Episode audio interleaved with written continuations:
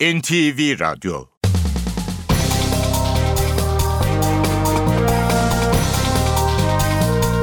İşe Giderken Mutlu sabahlar. Ben Aynur Altunkaş. Bugün 22 Eylül Pazartesi. İşe giderken de Türkiye ve dünya gündemine yakından bakacağız. Önce gündemin başlıkları. Cumhurbaşkanı Recep Tayyip Erdoğan Birleşmiş Milletler'in toplantılarına katılmak için New York'ta. Erdoğan'ın temaslarında IŞİD'le mücadele konusu ön planda olacak. Cumhurbaşkanı Erdoğan, Irak'ın Musul kentinde 49 başkonsolosluk personelinin kurtarıldığı operasyonla ilgili maddi değil diplomatik pazarlık yapıldığını söyledi. CHP lideri Kemal Kılıçdaroğlu, Musul Başkonsolosu Öztürk Yılmaz'ı evinde ziyaret etti. Operasyonda emeği geçenlere teşekkür etti. Suriye'den son 3 gün içinde Türkiye tarafına geçenlerin sayısı 100 bine ulaştı. Türkiye'den yardım için Suriye'ye geçişin yapıldığı Mürşit Pınar'da dün geçişe izin verilmeyince olaylar çıktı. İstanbul'da HDP'li bir grup IŞİD'i protesto için İstiklal Caddesi'ne yürüdü. Diyarbakır, Gaziantep ve Mardin'deki eylemler sırasında ise olaylar çıktı. Maliye Bakanlığı enerji tasarrufu için yeni bir proje hazırlıyor. Elektrik tasarruflu beyaz eşyalar için tüketiciye teşvikler sunulacak, karbondioksit salınımı düşük olan araçlara vergi indirimi sağlanacak. İklim değişikliğiyle mücadele için dünyanın dört bir yanında geniş katılımlı yürüyüşler düzenlendi. İşe Giderken gazetelerin gündemi.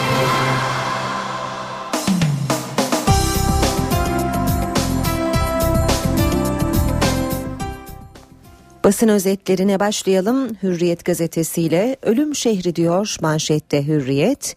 Kobani'den izlenimler var. IŞİD Suriye'nin Kobani şehrini kuşattı ve ağır silahlarla ölüm saçıyor. Türkiye'ye sığınanların sayısı 100 bini bulurken e, boşalan köy ölüm şehrine dönmüş durumda diyor Hürriyet gazetesi.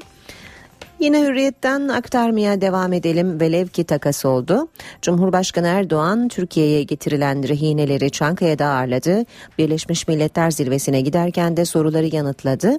Parasal değil diplomatik pazarlık yürütüldüğünü vurgulayan Erdoğan takas iddiaları içinde takas oldu olmadı. Velev ki takas olmuşsa dahi 49 vatandaşımın karşılığı hiçbir şeye değişilmez onlar artık ülkeme geldi dedi. IŞİD militanları 3 gün önce çekildikleri Erbil'in Hazır bölgesindeki ana yola bombalı variller ve mayınlar bıraktılar. Devam ediyoruz hürriyetten aktarmaya. İşte kazanın faturası.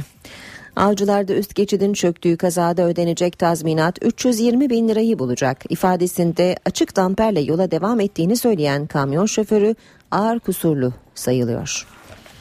Bozcaada'ya beton planı Çevre Bakanlığı'nın Çanakkale ve Balıkesir için hazırlayıp 8 Eylül'de askıya çıkardığı 1 bölü 100 bin ölçekli çevre düzeni planı Bozcaada'yı vuracak. Türkiye'nin en önemli sit alanlarından Bozcaada'da tarım alanları Bağ Evi adı altında ekolojik yapısıyla ünlü akvaryum koyu da kentsel gelişim alanıyla turizm tesis bölgesi denilerek imara açılacak. Milliyet gazetesinde manşet ilk tebrik CIA'den Brennan fidanı sıcağı sıcağına aradı. Bölgeyi izleyen Amerika operasyonu insansız hava araçlarıyla konvoyu tespit ettiğinde öğreniyor. Uyarılar yapılıyor ve konvoyun hedef olması önleniyor. Musul'dan başlayan ve teslim yerinde noktalanan operasyonda Türk istihbaratı her aşamada konvoya uzaktan refakat ettiler. Yol boyunca ayrı yerlerde önlem alındı. Temasta olunan gruplar uyarıldı. Havadan izlendi. Operasyonun Amerika'nın IŞİD'i vurduğu bir dönemde yapılması nedeniyle konvoy her an vurulabilecek bir hedefe dönüşebilirdi diyor Milliyet haberinde. Devam ediyoruz. Ee, Milliyet gazetesinden haberlere 100 bin daha gelebilir. Yeni göç dalgasında sınırdan geçenlerin sayısı 100 bini aştı. Birleşmiş Milletler Mülteciler Yüksek Komiserliği Türkiye sınırına yığılabilecek yüz binlerce mülteci ihtimaline karşı hazırlık yaptığını duyurdu. Suruç'tan sonra İstanbul, Kobani'den kaçarak Şanlıurfa Suruç'a gelen Suriyelilerin bir kısmı iş ya da akrabalarını bulmak için daha batıya gidiyor. Otobüs firmaları iki günde yaklaşık 2500 bilet sattı. En çok İstanbul, Ankara, Mersin ve Adana'ya giden Suriyeliler için yetkililer kayıt yok, isteyen istediği yere gider diyor. Devam ediyoruz basın özetlerine yine Milliyet gazetesiyle. 40 bin kuştan 17'si kaldı. Doçent Doktor Çağan Şekercioğlu, Kars'taki Kuyucuk Gölü kuş cennetinde belirlenen 232 türe artık rastlamadıklarını açıkladı. Kuyucuk'ta 10 yıl önce 40 bin kuş varken bu yıl 17 tane sayılabiliyor. Kadıköy'de topuk gerginliği. Fenerbahçe kendi evinde Gaziantep Sporu 1-0 yendi. Maça Emenike ve Emre tartışması damgasını vurdu. Şova yönelik topuk pası yapan Emenike'ye Emre tepki gösterdi. Yaşanan tartışma sonrası tribünler de Emenike'yi ıslıkladı. Teknik direktör Kartal tribünleri protesto eden Emenike'yi oyundan aldı diyor Milliyet gazetesi. Geçelim sabaha. Tarihi sınavdan başarıyla geçtik diyor sabahın manşeti. Cumhurbaşkanı Erdoğan'ın açıklamaları var. Alıkonulan Türk vatandaşlarının kurtarıldığı operasyonla ilgili olarak tarihe mal olacak bir imtihan süreci başarıyla neticelendi. Bu siyasi diplomatik pazarlığın zaferi diyor Cumhurbaşkanı Erdoğan. Diplomatik bordo bereliler bir diğer başlık Başbakan Davutoğlu riskli yerlerde diplomatik misyonu özel kuvvetlerin korumasını istedi deniyor haberde. Cumhuriyet gazetesinde manşet IŞİD'le resmi pazarlık resmi tırnak içinde Cumhurbaşkanı Erdoğan Türkiye'ye getirilen 49 rehine ile ilgili terör örgütü IŞİD'in adını anmadan siyasi diplomatik pazarlık yapıldığını söyledi. Örgüte yakın siteler dün pazarlığı duyurmuş. Türkiye dolaylı yoldan IŞİD devletini tanıdığı yorumunu yapmıştı. Türkiye'li rehinelerin kimi IŞİD'in e, IŞİD militanlarıyla takas yapıldığına dair iddialarla ilgili velev ki takas diyen Erdoğan ben şuna bakarım benim 49 vatandaşımın karşılığı hiçbir şeyle değişilmez diye konuştu. Takasın yasal zemini bu yılın Nisan ayında çıkan 6532 sayılı MIT kanunu diyor Cumhur, e, Cumhuriyet gazetesi haberinde. Devam edelim. AKP'li bile isyan etti başlığıyla. DEİK'in hükümete bağlanmasına iş dünyası, hukukçular ve siyasetçiler tepkili. İş dünyası DEİK yönetmeliğini konuşuyor. Kurulun mal varlığının yasal dayanak olmaksızın devredilmek istenmesi. Bugün DEİK'in mallarına el koyan hükümet yarın başka bir kişi ya da kuruma aynı tasarrufta bulunur mu sorusunu akla getiriyor. Barolar Birliği Başkanı Metin Feyzioğlu yönetmelikle mal varlığına el konulamaz dedi. Soma zeytin nöbetinde diyor. Bir diğer başlıkta Cumhuriyet Soma Termik Santrali'nin yarattığı kirliliğin sıkıntılarını yaşayan Yırca köylüleri şimdi yenisine karşı zeytinliklerinde nöbet tutuyor.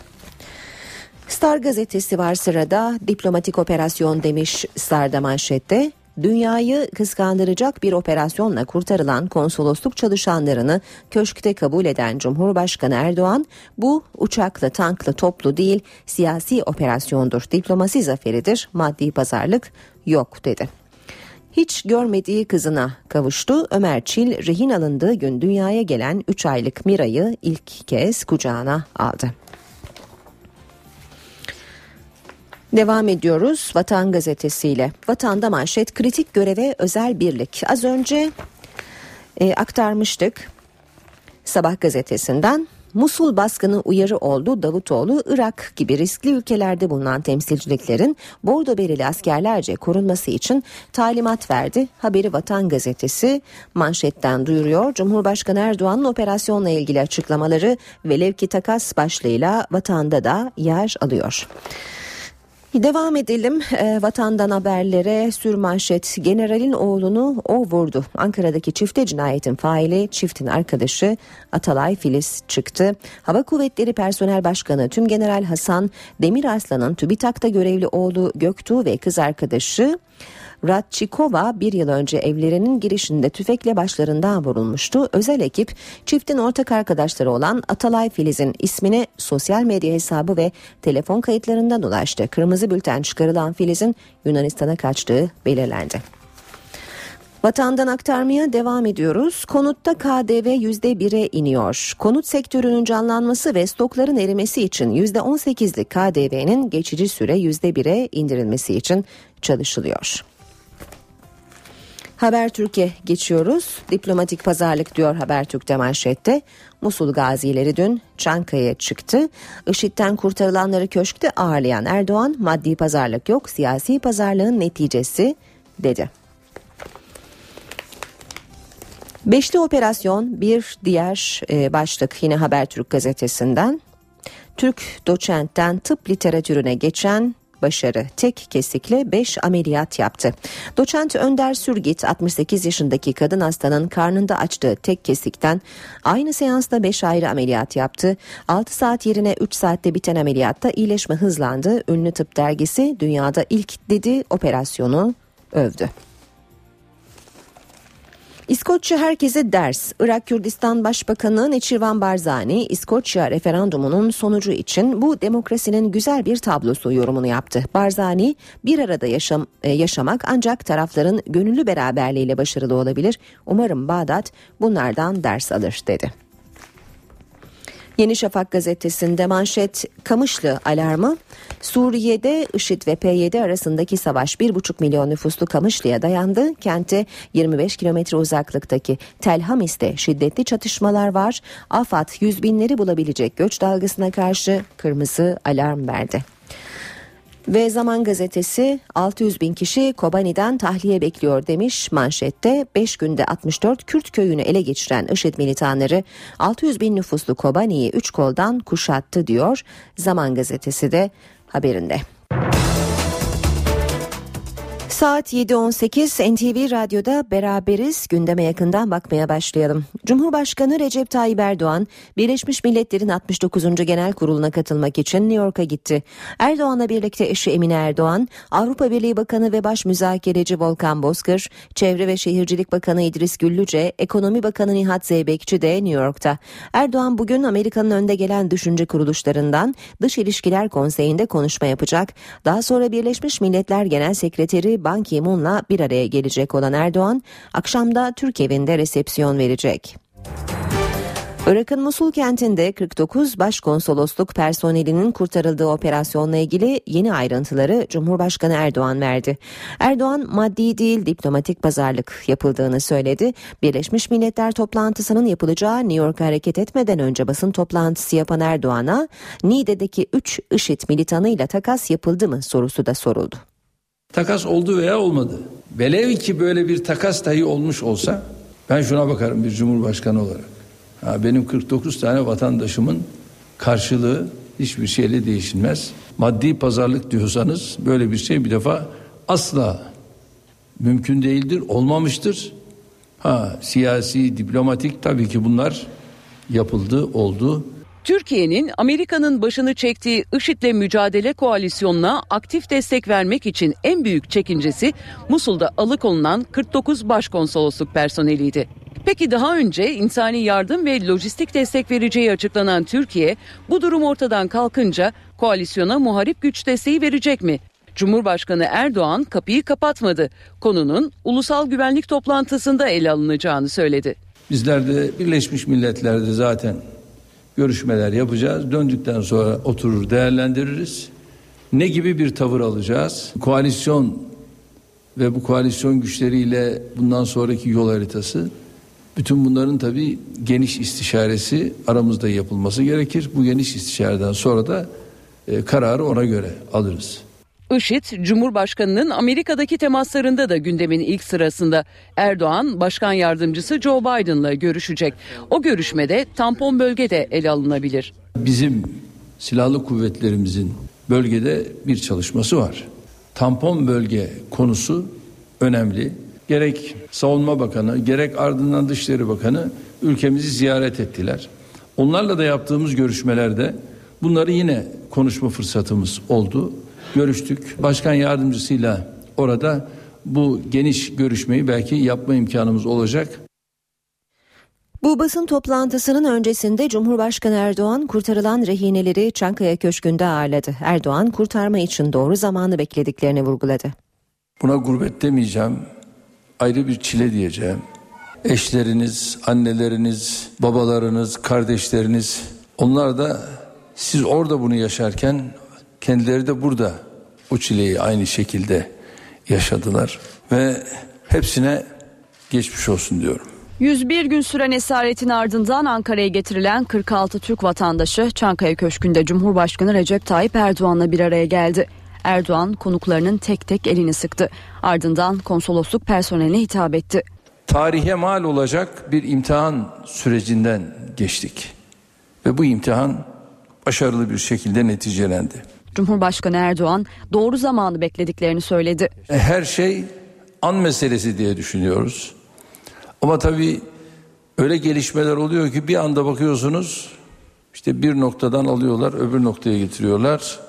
Oradaki hazırlıklarınız bu sefer değişiyor. Bütün bunlarla beraber bir kovalamaca bir yerde oynuyorsunuz. Ama bu iş tabii öyle heyecanla duygusal olarak olmazdı. Konuştuklarımız, konuşacaklarımız bir de tabii konuşamayacaklarımız var. Çünkü devlet yönetmek bakkal işletmeye benzemez. Cumhurbaşkanının Türk vatandaşlarına bir de sürprizi vardı. 46 personelin bir ay boyunca izinli olacağını açıkladı.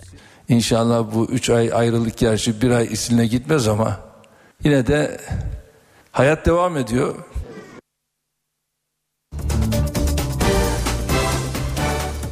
CHP lideri Kemal Kılıçdaroğlu da Musul Başkonsolosu Öztürk Yılmaz'ı evinde ziyaret etti. Başkonsolos Öztürk Yılmaz ve eşi Özay Yılmaz tarafından karşılanan Kılıçdaroğlu, Öztürk'e geçmiş olsun dileklerini iletti. Konsolosluk personelinin sağlıklı bir şekilde ülkelerine dönmesinden mutluluk duyduğunu ifade eden Kılıçdaroğlu emeği geçen herkese teşekkür etti. Operasyonun başındaki isim MİT Müsteşarı Hakan Fidan 49 kişiyi IŞİD'in elinden kurtaran operasyonun ayrıntılarını anlattı. Milliyet gazetesine konuşan Fidan, operasyonun yabancı istihbarat kurumlarından yardım alınmadan yapıldığını söyledi. Sabır, detaylı çalışma, zeka ve metanet. 49 başkonsolosluk personelini kurtaran operasyonun başındaki isim MİT Müsteşarı Hakan Fidan'a ait bu ifadeler. Fidan, Milliyet gazetesine konuştu. Sürecin öngörülemeyen riskleri var. Alanda ne olacağını adam da bilmiyor ki. Sonuçta hiçbir şeyin garantisi yok. Bu yüzden farklı zamanlarda son anda ertelemeler yaşandı. En doğru zaman beklendi ve vatandaşlarımız Türkiye'ye sağ salim döndü. Hakan Fidan operasyonun yabancı bir istihbarat kurumundan yardım alınmadan MIT tarafından yapıldığına vurgu yaptı. Operasyonda tek bir kurşun bile sıkılmadı dedi ve dikkat çekmemek için Türkiye'nin çeşitli illerinden bordo berelilerin sınıra sevk edildiğini söyledi. Fidan, MIT ekibinin Suriye'ye IŞİD tehlikesi nedeniyle Ocak ayından beri kapalı olan Akçakale sınır kapısından geçtiğini belirtti.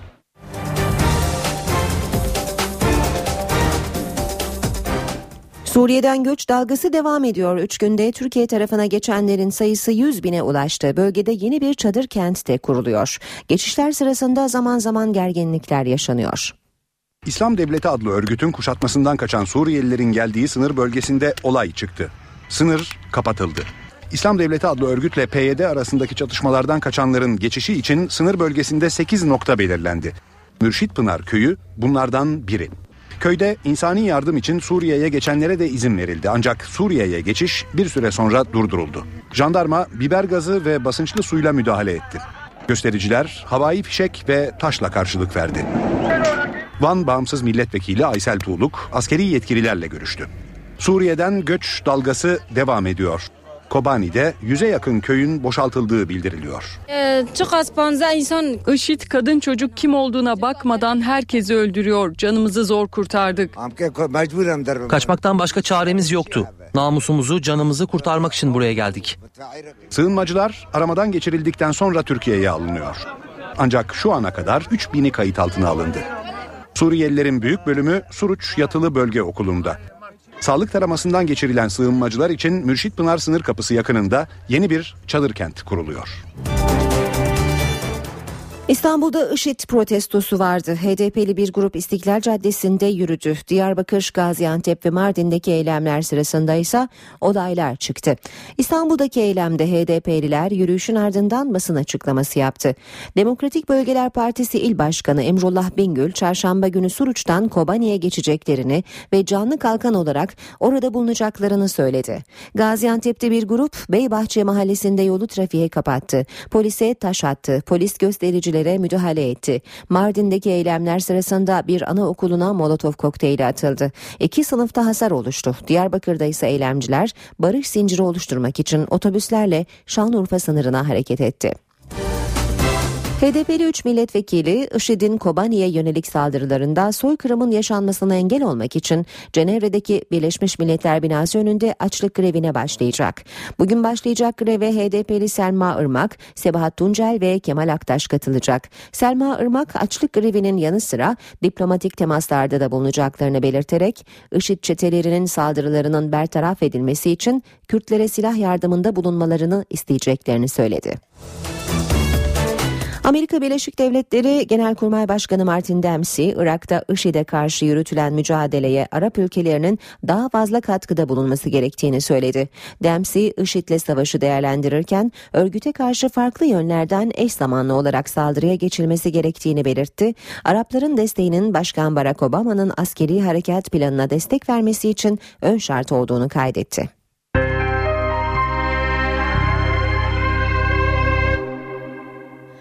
Çalışma ve Sosyal Güvenlik Bakanı Faruk Çelik işçi ve işveren temsilcileriyle bir araya geldi. Toplantıda iş kazalarının önüne geçilmesi için atılması gereken adımlar ele alındı. Toplantı öncesi konuşan Çelik, buradaki değerlendirmeleri Bakanlar Kurulu'na sunacağız. Nihai kararı Bakanlar Kurulu'ndan aldıktan sonra mecliste yapılması gereken düzenlemeler kısa süre içinde sevk edilecek dedi. İstanbul'da bir inşaat işçisi daha hayatını kaybetti. Karaköy'de otel şantiyesinde çalışan 24 yaşındaki Hakan Seçkin 6. kattan düşüp öldü. Duvarcı olarak çalışan Hakan Seçkin 6. katta çalışırken dengesini kaybedip düştü ve olay yerinde hayatını kaybetti. 24 yaşındaki Hakan Seçkin'in Elazığ'dan çalışmaya geldiği ve bir çocuğu olduğu öğrenildi. İnşaatta çalışan diğer işçiler güvenlik önlemi alınmadığını söyledi. Soruşturma sürüyor. Eski Genelkurmay Başkanı İlker Başbuğ, Türk Silahlı Kuvvetleri personeline düşman hukuku uygulandığını söyledi.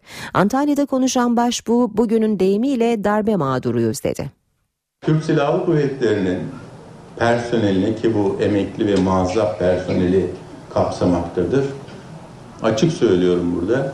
Düşman hukuku uygulandı. İntikam duyguları taşımamanız, kin ve nefret duymamanız, yapılanların hesabının sorulmamasını takip etmeyeceğiniz anlamına gelmez. E, komplolar olduysa, kumpaslar var. Bu kime yapıldı? Bize yapıldı. E, biz de o zaman bu komploların, kumpasların mağduruyuz. Bugünün deyimiyle biz de darbe mağduruyuz şu anda. E, o zaman yeniden yargılama yapacaksınız, biz yargılanacağız da. E peki bu bize karşı bu kumpasları, komploları kuranlar yargılanmayacak mı? Maliye Bakanlığı enerji tasarrufu için yeni bir proje hazırlıyor. Tüketicilere tasarruflu beyaz eşyalar ve çevre dostu araçlar için vergi kolaylığı sağlanacak. Projenin bir amacı da cari açığı azaltmak. Enerji verimliliği yüksek olan beyaz eşyalara ÖTV avantajı sağlanacak. Binalarına yalıtım yaptıranlara taksit kolaylığı yapılacak. Hükümet cari açığın en önemli nedenlerinden olan enerji alanında tasarruf sağlamak için harekete geçti. Çalışmayı Maliye Bakanlığı yürütüyor. Üç ayaklı stratejinin ilk adımı beyaz eşya kullanımına ilişkin. Maliye Bakanlığı daha az enerji tüketen beyaz eşya tüketiminin yaygınlaşması için çalışıyor. Bu kapsamda enerji verimliliği yüksek olan beyaz eşyalara ÖTV avantajı sağlanacak. Enerji verimliliği projesi kapsamında binasına yalıtım yaptırmak isteyenlere taksit kolaylığı getirilecek. Maliye Bakanlığı'nın enerji tasarrufuna yönelik projesinde üçüncü başlık çevreci araçlar. Çevre kirliliğine karşı trafiğe yeni çıkacak araçlardan karbondioksit salınımı düşük olanlara vergi indirimi sağlanacak.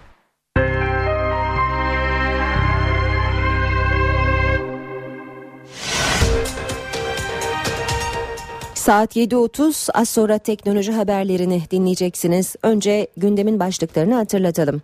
Cumhurbaşkanı Recep Tayyip Erdoğan Birleşmiş Milletler'in toplantılarına katılmak için New York'ta Erdoğan'ın temaslarında IŞİD'le mücadele konusu ön planda olacak.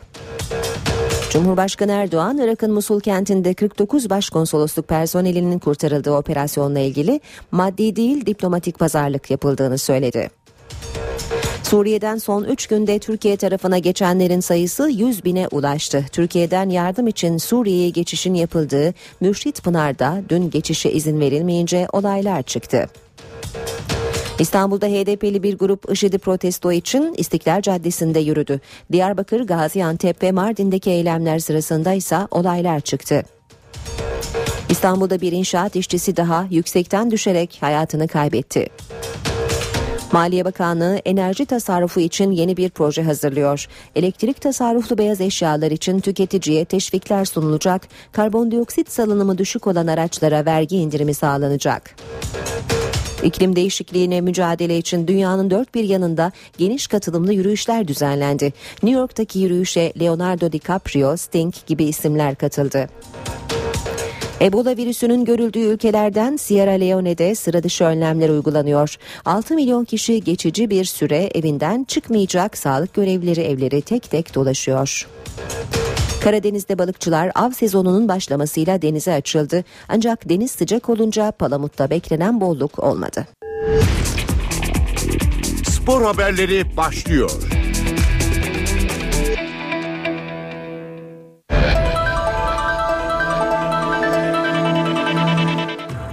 Günaydın spor gündeminden gelişmelerle birlikteyiz. Spor Toto Süper Lig'in 3. haftasında Fenerbahçe Gaziantep Spor'u konuk etti. Sarı lacivertli takım rakibini Emre Belezoğlu'nun 82. dakikada penaltıdan attığı golle 1-0 mağlup etti. Karşılaşma sonrası basına konuşan Fenerbahçe Teknik Direktörü İsmail Kartal Gaziantep Spor'u yendikleri için mutlu olduğunu ifade etti. Her iki takım da e, iyi ve net pozisyonlar üretti. Maç her iki takım lehine de sonuçlanabilirdi. Biz kazandık. Kazandığımız için e, oyuncularımı tebrik ediyorum. Unutulmasın ki biz ilk hafta da burada bizim de yüzde yüz bir penaltımız verilmedi. Hatta bir kırmızı kart verilmedi. Sonra maçı izledikten sonra biz de bunları gördük. Daha net evet bu penaltıymış. İşte burada e, kırmızı kartmış dedik. Bunu kamuoyu da kabul etti. Az daha biz de maçı kaybedebiliyorduk. Biz de bir şey söylemedik. Hakemlerimize o konuda güveniyoruz. Bu akşam daha izlemedik. Bu konuda yorum yapmak istemiyorum. Gaziantep Spor Teknik Direktörü Okan Buruksa inanmadıkları bir penaltıyla maçı kaybettiklerini söyledi. Çok cesur oynadık. Elimizden gelen en fazlasını sahada yapmaya çalıştık. Oyuncularımı çok e, bu konuda ayrıca kutluyorum. Taktik anlayışları, e, cesaretleri, istekleri, arzuları çok üst düzeydeydi. E, çok da gol pozisyonuna girdik. E, ama sonucunda e, inanmadığımız bir penaltıyla maçı kaybetmiş olduk. E, futbolun içinde tabii ki bunlar var. Emeklerimizi bazen karşılığını alamıyoruz. E, buraya bir deplasman takımı olarak gelerek e, belki maçın başında e, hakemin özellikle zaman geçirmeme anlamında daha birinci dakikadan bir düdük çalması, kalecimizi uyarması. E, dediğim gibi biz cesur bir takım olarak buraya geliyoruz. Aynı şekilde hakemlerin de cesur olarak maçları yönetmesini istiyorum. Çünkü takımlarımızın maliyetleri çok farklı. E, bir de artı e, faktörler işin içine girdim çok daha farklı oluyor. Fenerbahçe taraftarı Gaziantep Spor maçında Emanuel Emenike'yi protesto etti. Bir grup taraftar Kaptan Emre Belözoğlu'yla tartışan Nijeryalı futbolcuyu topla her buluştuğunda ıslıkladı. Emenike'nin Fenerbahçe taraftarıyla arası açıldı. Sarı lacivertli takımın Gaziantep Spor'la oynadığı karşılaşmada taraftarlar Emenike'yi ıslıkladı. Nijeryalı oyuncu da tribünlere tepki gösterdi. Maçın ikinci yarısındaki bir pozisyonda Emenike topuk pası vermek isteyince kaptan Emre Belezoğlu takım arkadaşına kızdı. Emre ile Emenike saha içinde tartışma yaşadı. Olaya taraftarlar da dahil oldu. Nijeryalı golcü topla her buluştuğunda ıslıklandı. Tepkilere sinirlenen Emenike tribünlerle tartışmaya girdi. Diego ve Bekir İrtegün Emenike'nin yanına giderek Nijeryalı futbolcuyu sakinleştirmeye ve motive etmeye çalıştı. Emre Belezoğlu ve Caner Erkin de tribünlere giderek protestoların bitmesi yönünde işaretler yaptı. Taraftarlar bir süre ikiye bölündü. Bir grup Emenike'yi alkışlarken bir bölüm protestoya devam etti. Tribünlerde protesto eden ve alkışlayan gruplar arasında arbede yaşandı. Fenerbahçe Teknik Direktörü İsmail Kartal yaşananlardan 5 dakika sonra iki oyuncu değişikliğine gitti. Emenike ile Diego aynı anda oyundan alındı. Emenike doğrudan soyunma odasına giderken Diego maçı yedek kulübesinde izledi. Pasolik sisteminde son halkada tamamlanıyor. Bu sisteme uymayan tek kulüp olan Fenerbahçe şartlı geçiş yapmak üzere. Fenerbahçe Pasolik'le resmen anlaştı. Geçen sezon uygulanmaya başlayan Pasolik sistemine Sarı lacivertli kulüp katılmamıştı. Sahasındaki Karabük Spor maçında Pasolik sistemini uygulamayan ve tribünlerde sadece kombine bilet sahibi taraftarlarını ağırlayan Fenerbahçe, Gaziantep Spor maçında da elektronik bilet uygulamasını kullanmadı. Fenerbahçe kulübü taraftar kartları satarken bir bankayla anlaşması olduğu için başka bir bankayla Pasolik konusunda anlaşma yapmaya yanaşmadı. Sarı lacivert yönetim kredi kartı fonksiyonu olmayan bir sistem üzerinde anlaşma sağladı. Kulüpten yapılan açıklamada ilgili şirketle sadece bilet satışını kapsayan sınırlı bir işbirliği sözleşmesi imzalanmıştır ifadeleri kullanıldı. Kulüp entegrasyon süreci atlatılana kadar uygulanacak geçici çözümlerle ilgili Türkiye Futbol Federasyonu ile görüşüleceğini duyurdu. Şükrü Saracoğlu stadında 5. hafta oynanacak Fenerbahçe Torku Konya Spor maçında yeni sisteme geçilmesi bekleniyor. Spor Toto Süper Lig'in 3. haftasında 7 maç geride kaldı. Sonuçlar ve kalan maç programı şöyle. Eskişehir Spor 0, Gençler Birliği 2, Kayseri Erciyesspor 1, Akisar Belediyespor 2, Balıkesir Spor 2, Galatasaray 0, Mersin İdman Yurdu 2, Çaykur Rizespor 0, Kasımpaşa 2, Karabük Spor 1, Sivas Spor 0, Torku Konya Spor 0, Fenerbahçe 1, Gaziantep Spor 0. Spor Toto Süper Lig'de 3. hafta İstanbul Başakşehir Trabzonspor ve Bursa Spor Beşiktaş maçları ile tamamlanacak. Beşiktaş'ta Bursa Spor maçının hazırlıkları tamamlandı. Siyah beyazlarda zorlu karşılaşma öncesi Dembaba'nın 11'de görev yapması bekleniyor. Beşiktaş'ta Dembaba ilk 11'e dönüyor. Bursa Spor maçının hazırlıklarını tamamlayan siyah beyazlarda ilk 11 netleşmeye başladı. Tedavisine devam edilen Mustafa Pekdemek'in forma giyemeyeceği karşılaşmada sakatlığı nedeniyle bir aydır sahalardan uzak kalan Dembaba Bursa Spor karşısında ilk 11'de yer alacak. Tedavi sürecinden yeni çıkan Ersan Gülüm'ün de ilk 11'de yer alması beklenmiyor. Teknik direktör Slaven Bilic savunmada Franco ile birlikte Sivuk'u sahaya sürecek. Gribal enfeksiyon geçiren ve son iki gündür antrenmanlara çıkamayan kaleci Tolga Zengin ise maça ilk 11'de başlayacak. Hırvat teknik adam son haftalarda performansında düşüş yaşayan Ramon Motta'nın yerine Bursa Spor karşısında sol bek pozisyonda İsmail'e forma verecek. Brezilyalı oyuncu maça yedek kulübesine başlayacak. Teknik direktör Slaven Bilic'in takımını şu ilk 11 ile sahaya sürmesi bekleniyor. Tolga, Necip, Franco, Sivok, İsmail, Veli, Atiba, Gökhan, Oğuzhan, Olcay, Dembaba. Geçen sezon ligde oynanan maçlarda Beşiktaş rakibini Bursa Atatürk Stadı'nda 3-0, Atatürk Olimpiyat Stadı'nda ise 1-0 yenmişti.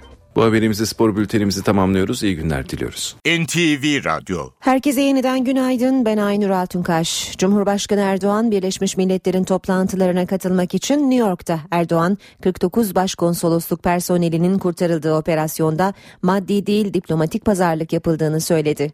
Suriye'den son 3 günde Türkiye tarafına geçenlerin sayısı 100 bine ulaştı. Maliye Bakanlığı enerji tasarrufu için yeni bir proje hazırlıyor. Ayrıntılar birazdan ama önce hava durumu. Gökhan Abur'la beraberiz. Günaydın Sayın Abur. Günaydın. Ee, nispeten ılık bir hafta sonunu geride bıraktık. Evet. Yeni haftaya da bazı bölgeler yine ılık bir havada başlıyor. Ancak önümüzdeki günlerde bizi yine yağmur ve serinlik mi bekliyor? Evet söylediğiniz gibi aslına bakarsanız batıda, güneyde, iç kesimlerde gündüz sıcaklıkları bir hayli yüksek. Doğuda zaten yüksek sıcaklıklar etkisini sürdürüyordu. Bu hafta da öyle olacak.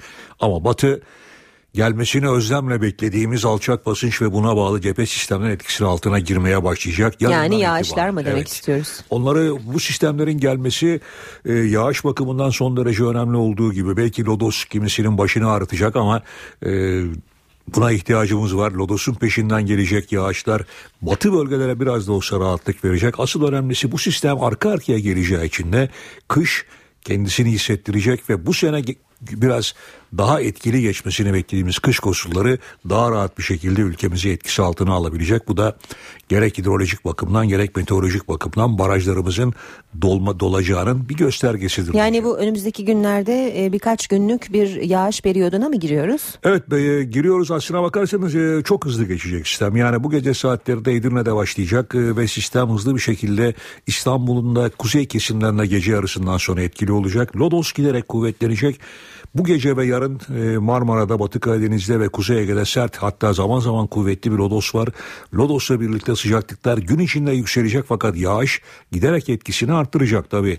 Sistem çok hızlı bir şekilde doğuya doğru gideceği için Marmara bölgesini etkisi altına alacak bu yağışlı hava yarın aralıklarla etkili olurken gece saatlerine doğru özellikle akşam bunun başlamasını bekliyoruz. Lodos'un hızlı bir şekilde karayere dönmesi sıcaklıkları yarın akşam saatlerinde birdenbire 7-8 derece birden azaltacak ve Kuvvetli yağışlar hızlı bir şekilde Batı Karadeniz'e doğru ilerlerken bölgede yağışlar ve kuvvetli fırtına etkili olacak ve çarşamba günü de Karadeniz'in özellikle Orta ve Doğu Karadeniz'e de kuvvetli lodosla birlikte sağanaklar giderek etkisini artıracak. Ara verecek, kuzeye dönecek rüzgar ama hafta sonu çok büyük olasılıkla batı Marmara başta olmak üzere yeniden yağışlı havanın etkisi altına girecek. Yarınki kuvvetli lodosu ve e, beraberinde getireceği sağanaklara karşı Marmara, Batı Karadeniz ve Kuzey Ege'de bulunanlar daha sonra da Batı Karadeniz'de bulunanlar dikkatli ve tedbirli olmalı. İstanbul'da bugün beklediğimiz en yüksek sıcaklık 25 derece olacak. Ankara'da ise sıcaklık bugün yine 20 derecelerin üzerinde. İzmir'de ise parçalı bulutlu bir hava bekliyoruz ilerleyen saatlerde. İzmir'de ise bugün sıcaklık yine yer yer 29-30 derecelere kadar çıkabilecek. Evet bizleri bekleyen koşullar genelde böyle. Gökhan Abur teşekkürler. NTV Radyo Türkiye ve dünya gündeminin öne çıkan haberlerine bakmaya devam ediyoruz. Cumhurbaşkanı Recep Tayyip Erdoğan Birleşmiş Milletler'in 69. Genel Kurulu'na katılmak için New York'a gitti. Erdoğan'la birlikte eşi Emine Erdoğan, Avrupa Birliği Bakanı ve Baş Müzakereci Volkan Bozkır, Çevre ve Şehircilik Bakanı İdris Güllüce, Ekonomi Bakanı Nihat Zeybekçi de New York'ta. Erdoğan bugün Amerika'nın önde gelen düşünce kuruluşlarından Dış İlişkiler Konseyi'nde konuşma yapacak. Daha sonra Birleşmiş Milletler Genel Sekreteri Ban Ki-moon'la bir araya gelecek olan Erdoğan akşam da Türk evinde resepsiyon verecek. Irak'ın Musul kentinde 49 başkonsolosluk personelinin kurtarıldığı operasyonla ilgili yeni ayrıntıları Cumhurbaşkanı Erdoğan verdi. Erdoğan, maddi değil diplomatik pazarlık yapıldığını söyledi. Birleşmiş Milletler toplantısının yapılacağı New York'a hareket etmeden önce basın toplantısı yapan Erdoğan'a Niğde'deki 3 IŞİD militanıyla takas yapıldı mı sorusu da soruldu. Takas oldu veya olmadı. Velev ki böyle bir takas dahi olmuş olsa ben şuna bakarım bir cumhurbaşkanı olarak. Ha, benim 49 tane vatandaşımın karşılığı hiçbir şeyle değişilmez. Maddi pazarlık diyorsanız böyle bir şey bir defa asla mümkün değildir, olmamıştır. Ha siyasi, diplomatik tabii ki bunlar yapıldı, oldu. Türkiye'nin Amerika'nın başını çektiği IŞİD'le mücadele koalisyonuna aktif destek vermek için en büyük çekincesi Musul'da alıkonulan 49 başkonsolosluk personeliydi. Peki daha önce insani yardım ve lojistik destek vereceği açıklanan Türkiye bu durum ortadan kalkınca koalisyona muharip güç desteği verecek mi? Cumhurbaşkanı Erdoğan kapıyı kapatmadı. Konunun ulusal güvenlik toplantısında ele alınacağını söyledi. Bizler de Birleşmiş Milletler'de zaten görüşmeler yapacağız. Döndükten sonra oturur değerlendiririz.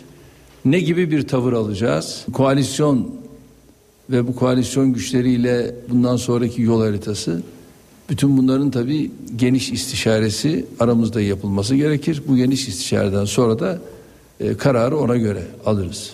IŞİD, Cumhurbaşkanı'nın Amerika'daki temaslarında da gündemin ilk sırasında. Erdoğan, Başkan Yardımcısı Joe Biden'la görüşecek. O görüşmede tampon bölgede ele alınabilir. Bizim silahlı kuvvetlerimizin bölgede bir çalışması var. Tampon bölge konusu önemli. Gerek Savunma Bakanı, gerek ardından Dışişleri Bakanı ülkemizi ziyaret ettiler. Onlarla da yaptığımız görüşmelerde bunları yine konuşma fırsatımız oldu görüştük. Başkan yardımcısıyla orada bu geniş görüşmeyi belki yapma imkanımız olacak. CHP lideri Kemal Kılıçdaroğlu Musul Başkonsolosu Öztürk Yılmaz'ı evinde ziyaret etti. Başkonsolos Öztürk Yılmaz ve eşi Özay Yılmaz tarafından karşılanan Kılıçdaroğlu Yılmaz'a geçmiş olsun dileklerini iletti. Konsolosluk personelinin sağlıklı bir şekilde ülkelerine dönmesinden büyük mutluluk duyduğunu ifade eden Kılıçdaroğlu emeği geçen herkese teşekkür etti. Operasyonun başındaki isim MİT Müsteşarı Hakan Fidan 49 kişiyi IŞİD'in elinden kurtaran operasyonun ayrıntılarını anlattı. Milliyet gazetesine konuşan Fidan, operasyonun yabancı istihbarat kurumlarından yardım alınmadan yapıldığını söyledi. Sabır, detaylı çalışma, zeka ve metanet. 49 başkonsolosluk personelini kurtaran operasyonun başındaki isim MİT Müsteşarı Hakan Fidan'a ait bu ifadeler. Fidan, Milliyet gazetesine konuştu. Sürecin öngörülemeyen riskleri var. Alanda ne olacağını adam da bilmiyor ki. Sonuçta hiçbir şeyin garantisi yok. Bu yüzden farklı zamanlarda son anda ertelemeler yaşandı. En doğru zaman beklendi ve vatandaşlarımız Türkiye'ye sağ salim döndü. Hakan Fidan operasyonun yabancı bir istihbarat kurumundan yardım alınmadan MIT tarafından yapıldığına vurgu yaptı. Operasyonda tek bir kurşun bile sıkılmadı dedi ve dikkat çekmemek için Türkiye'nin çeşitli illerinden bordo berelilerin sınıra sevk edildiğini söyledi. Fidan, MIT ekibinin Suriye'ye IŞİD tehlikesi nedeniyle Ocak ayından beri kapalı olan Akçakale sınır kapısından geçtiğini belirtti. Suriye'den göç dalgası devam ediyor. Üç günde Türkiye tarafına geçenlerin sayısı 100 bine ulaştı. Bölgede yeni bir çadır kent de kuruluyor. Geçişler sırasında zaman zaman gerginlikler de yaşanıyor. İslam Devleti adlı örgütün kuşatmasından kaçan Suriyelilerin geldiği sınır bölgesinde olay çıktı. Sınır kapatıldı. İslam Devleti adlı örgütle PYD arasındaki çatışmalardan kaçanların geçişi için sınır bölgesinde 8 nokta belirlendi. Mürşit Pınar köyü bunlardan biri. Köyde insani yardım için Suriye'ye geçenlere de izin verildi. Ancak Suriye'ye geçiş bir süre sonra durduruldu. Jandarma biber gazı ve basınçlı suyla müdahale etti. Göstericiler havai fişek ve taşla karşılık verdi. Van Bağımsız Milletvekili Aysel Tuğluk askeri yetkililerle görüştü. Suriye'den göç dalgası devam ediyor. Kobani'de yüze yakın köyün boşaltıldığı bildiriliyor. Ee, çok az panza insan IŞİD kadın çocuk kim olduğuna bakmadan herkesi öldürüyor. Canımızı zor kurtardık. Kaçmaktan başka çaremiz yoktu. Namusumuzu, canımızı kurtarmak için buraya geldik. Sığınmacılar aramadan geçirildikten sonra Türkiye'ye alınıyor. Ancak şu ana kadar 3000'i kayıt altına alındı. Suriyelilerin büyük bölümü Suruç Yatılı Bölge Okulu'nda. Sağlık taramasından geçirilen sığınmacılar için Mürşit Pınar sınır kapısı yakınında yeni bir çadır kent kuruluyor. İstanbul'da IŞİD protestosu vardı. HDP'li bir grup İstiklal Caddesi'nde yürüdü. Diyarbakır, Gaziantep ve Mardin'deki eylemler sırasında ise olaylar çıktı. İstanbul'daki eylemde HDP'liler yürüyüşün ardından basın açıklaması yaptı. Demokratik Bölgeler Partisi İl Başkanı Emrullah Bingül, çarşamba günü Suruç'tan Kobani'ye geçeceklerini ve canlı kalkan olarak orada bulunacaklarını söyledi. Gaziantep'te bir grup Beybahçe mahallesinde yolu trafiğe kapattı. Polise taş attı. Polis göstericilere müdahale etti. Mardin'deki eylemler sırasında bir anaokuluna molotof kokteyli atıldı. İki sınıfta hasar oluştu. Diyarbakır'da ise eylemciler barış zinciri oluşturmak için otobüslerle Şanlıurfa sınırına hareket etti. HDP'li 3 milletvekili IŞİD'in Kobani'ye yönelik saldırılarında soykırımın yaşanmasına engel olmak için Cenevre'deki Birleşmiş Milletler binası önünde açlık grevine başlayacak. Bugün başlayacak greve HDP'li Selma Irmak, Sebahat Tuncel ve Kemal Aktaş katılacak. Selma Irmak açlık grevinin yanı sıra diplomatik temaslarda da bulunacaklarını belirterek IŞİD çetelerinin saldırılarının bertaraf edilmesi için Kürtlere silah yardımında bulunmalarını isteyeceklerini söyledi.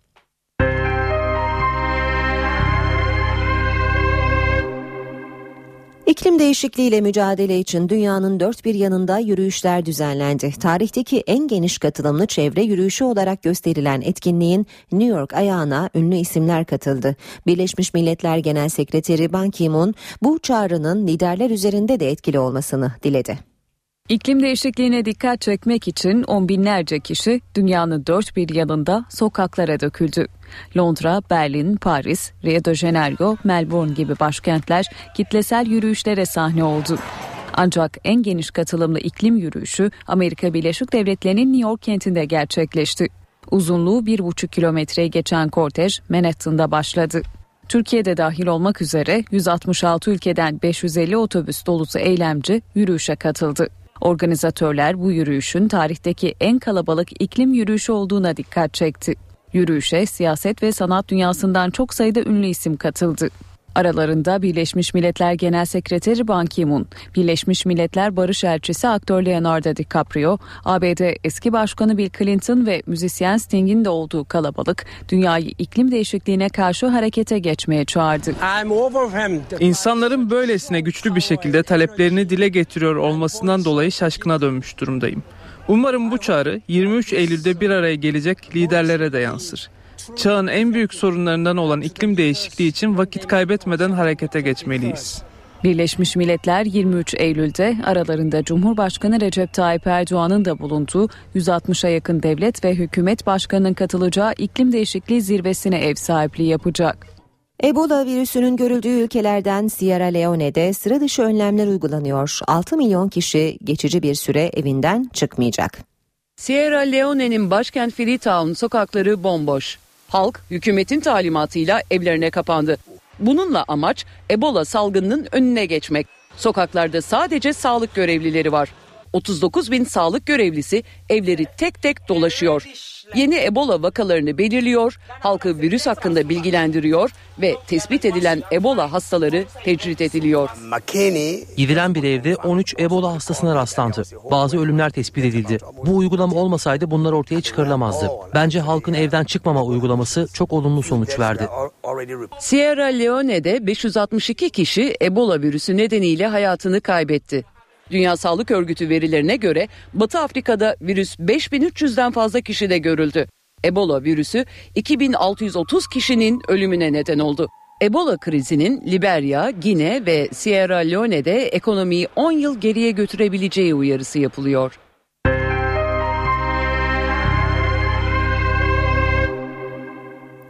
İstanbul'da bir inşaat işçisi daha hayatını kaybetti. Karaköy'de otel şantiyesinde çalışan 24 yaşındaki Hakan Seçkin 6. kattan düşüp öldü. Duvarcı olarak çalışan Hakan Seçkin 6. katta çalışırken dengesini kaybedip düştü ve olay yerinde hayatını kaybetti. 24 yaşındaki Hakan Seçkin'in Elazığ'dan çalışmaya geldiği ve bir çocuğu olduğu öğrenildi. İnşaatta çalışan diğer işçiler güvenlik önlemi alınmadığını söyledi. Soruşturma sürüyor.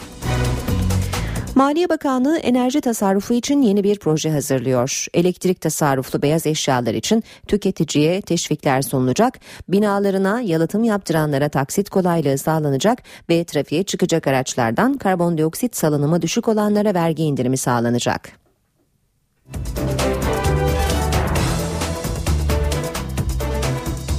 Enerji verimliliği yüksek olan beyaz eşyalara ÖTV avantajı sağlanacak. Binalarına yalıtım yaptıranlara taksit kolaylığı yapılacak.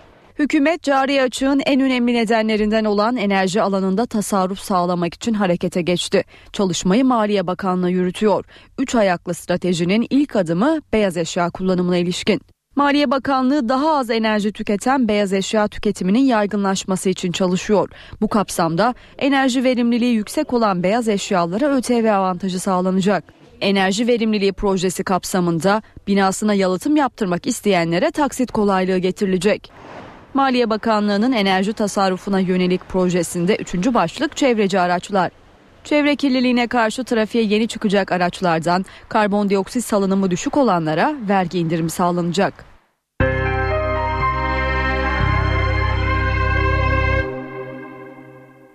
Saat 8.17 şimdi Ankara gündemini alacağız. Karşımızda NTV muhabiri Miray Aktağ Uluç var. Miray. Aynur haftanın ilk iş gününde başkent Ankara'nın sakin bir rutin gündemi var. Ancak 101 gün süren esaretin ardından 49 konsolosluk personelinin IŞİD'in elinden kurtarılması yine Ankara'nın en sıcak gündem başlığı olmaya devam edecek. Siyaset cephesinden konuyla ilgili gelecek açıklamalar ve operasyonun yansımalarını bugün de yakından takip ediyor olacağız. Cumhurbaşkanı Recep Tayyip Erdoğan bugün Birleşmiş Milletler Genel Kurulu için gittiği New York'ta olacak. Temasları başkent Ankara'dan da yakından takip edilecek. Erdoğan bugün Yahudi Kongresi heyetiyle görüşecek. Birleşmiş Milletler Dış İlişkiler Konseyi'nde bir konuşma yapacak. Ayrıca BM Genel Sekreteri Ban Ki-moon'la da bir araya gelecek. Ve Ankara'nın bugün kuşkusuz en önemli gündem maddelerinden biri Bakanlar Kurulu toplantısı. Kabinenin gündemi yoğun olacak. En önemli gündem maddesi IŞİD ve 101 gün süren esaretin ardından kurtarılan 49 konsolosluk personeli Bakanlar Kurulu'nda iç ve dış gelişmelerin yanı sıra iki aydır 7 bakanlıkla birlikte çalışması yürütülen uyuşturucuyla mücadele eylem planında ele alınacak. Ona son şekli verilecek ve kurulun son gündem maddesi ise iş güvenliği olacak. Dün işçi ve işveren temsilcileriyle bir araya gelen Çalışma ve Sosyal Güvenlik Bakanı Faruk Çelik konuyla ilgili kabine üyelerine sunum yapacak. Ana muhalefet cephesinde ise bir başka toplantı var. Merkez Yönetim Kurulu CHP Genel Başkanı Kemal Kılıçdaroğlu'nun başkanlığında toplanıyor. Saat 12'de yapılacak toplantı. Toplantıda yine 49 konsolosluk personelinin serbest bırakılmasının yanı sıra Türkiye gündeminin üst sıralarında yer alan maddeler ele alınacak. Toplantı devam ederken CHP sözcüsü Haluk Koç'un kameraların karşısına geçerek açıklama yapması da bekleniyor. Ve başkentin son gündem maddesi Türkiye Büyük Millet Meclisi'nden torba tasarı çalışmalarını tamamlayan meclis 1 Ekim tarihine kadar tatile girdi ancak bazı milletvekillerinin mesaileri devam ediyor çünkü basın toplantıları var. Milliyetçi Hareket Partisi'nden Emin Haluk Ayhan, Cumhuriyet Halk Partisi'nden Sezgin Tanrıkulu, Bülent Kuşoğlu ve İhsan Özkes bugün mecliste basın toplantısı düzenleyerek gündeme ilişkin değerlendirmelerde bulunacaklar ve bizler de gün boyunca bu başlıkları başkent Ankara'dan aktaracağız. NTV Radyo Ekonomi haberleriyle devam ediyoruz. İşe giderkene hükümet konut fiyatlarına indirim sağlayacak bir düzenleme üzerinde çalışıyor. Meclis Plan Bütçe Komisyonu Sözcüsü Vedat Temizöz, gayrimenkul sektörünü zorlayan %18 KDV'nin indirilmesinin tekrar gündeme geldiğini söyledi. Temizöz 15 Ekim'de komisyonda görüşüleceğini ifade etti. Dubai'deki Cityscape fuarına katılan AKP Bitlis Milletvekili ve Emlak Konut Yönetim Kurulu'nun eski üyesi Vedat Temizöz, Türk inşaat sektörüne destek açıklaması yaptı. Sektörde fren tartışmalarının yaşandığı günlerde Temizöz şu anda konutlarda %18 olan KDV oranları %8'e %1'e indirilebilir. Tapu belediye harçları ve KDV'de indirim üzerine çalışacağız dedi. Şimdi Profesör Doktor Güngör Uras'ı dinleyeceğiz. Uras Ayşe teyze ekonomiden haberler verecek. Ayşe teyze ne yapsın? Güngör Uras, Ayşe teyze ekonomide olan biteni anlatıyor. Merhaba sayın dinleyenler, merhaba Ayşe Hanım teyze, merhaba Ali Rıza Bey amca. Türkiye'de inşaat yatırımlarının canlılığı nedeniyle iş makinelerine talep büyüyor. Talebin büyümesi pazarın büyümesi demektir. 2014 yılında yaklaşık olarak 6,5 milyar dolar dolayında iş makinesi satılacak. Toplu konut projelerinde şehirlerin içindeki ve çevresindeki büyük yapılarda, yollarda, dağlarda, kamunun dev projelerinde çok sayıda iş makinesi çalışıyor. Kayalar deliniyor, topraklar kazılıyor, o topraklar taşınıyor. İnşaat işlerinde kullanılan iş makinelerinin büyük bölümü ithal makineler ve bu makineler pahalı makineler. Türkiye genelinde inşaat yatırımları toplam yatırımların neredeyse yarısına yakın büyüklükte. Makine ve teçhizat yatırımlarının büyük bölümü de inşaat makine ve teçhizatına gidiyor. 2014 yılında 4,5 milyar dolar değerinde iş makinesi ithal edeceğiz. 2013 yılında ithalat 4 milyar dolara yakın idi. 2013 yılında yerlisi ve yabancısıyla 11 bine yakın iş makinesi satıldı. Bunların yarısı hafif, yarısı ağır iş makineleri. Bir yılda 4000 kazıcı ve yükleyici, 3500 paletli ekskavatör, 1500 lastikli yükleyici talebi var. Türkiye, Çin ve Hindistan'dan sonra dünyanın en hızlı gelişen iş makineleri pazarı olmuş durumda. Türkiye'de iş makineleri talebinin yüzde 60'ı ithalat ile yüzde 40'ı yerli montaj ve üretim ile karşılanıyor. Dev projeler ve kentsel dönüşüm projeleri nedeniyle iş makinesi talebinin önümüzdeki yıllarda daha da artması bekleniyor. İş makineleri kayaları delen, kayaları parçalayan, taşıyan, toprağı kazıyan büyük ağır makineler. Motor ve hareketli parçaları Türkiye'de üretilemiyor. Üretilemeyen bölümleri ithal edilerek Türkiye'de iş makinesi yapan, monte eden 100 dolayında kuruluş var. Yerli üretimde iş makinelerinin ağırlığı büyük ölçüde ithalata dayalı oluyor. Sadece yüzde elli dolayında bir yerli katkı sağlama imkanı oluşuyor. İş makinelerinin inşaat sektöründe ağırlığı büyük. Tüm inşaat harcamalarında inşaat makinelerinin payının yüzde otuzlar dolayında olduğu belirtiliyor. Bir başka söyleşi de birlikte olmak ümidiyle şen ve esen kalınız sayın dinleyenler. Uras'a sormak istediklerinizi ntvradio.ntv.com.tr adresine yazabilirsiniz. Piyasalara bakalım BIST 100 endeksi cuma günü %0,74 oranında değer kaybederek 76.921 puandan kapandı. Yeni haftaya dolar 2.23, euro 2.87'den başlıyor. Euro dolar 1.29 dolar yen 109 düzeyinde. Altının onsu 1213 dolar kapalı çarşıda külçe altının gramı 87, çeyrek altın 148 liradan satılıyor. Brent petrolün varili 98 dolar.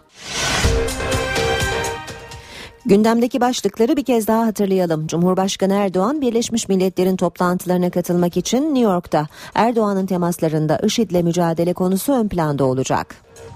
Erdoğan Irak'ın Musul kentinde 49 başkonsolosluk personelinin kurtarıldığı operasyonla ilgili maddi değil diplomatik pazarlık yapıldığını söyledi. Suriye'den son 3 günde Türkiye tarafına geçenlerin sayısı 100 bine ulaştı. Diyarbakır, Gaziantep ve Mardin'deki IŞİD karşıtı eylemlerde olaylar çıktı. Maliye Bakanlığı enerji tasarrufu için tüketiciye bazı ürünlerde vergi indirimi getirecek. İklim değişikliğiyle mücadele için dünyanın dört bir yanında geniş katılımlı yürüyüşler düzenlendi. NTV Radyo İşe giderken böylece sona eriyor. Ben Aynur Altunkaş. Hoşçakalın. NTV Radyo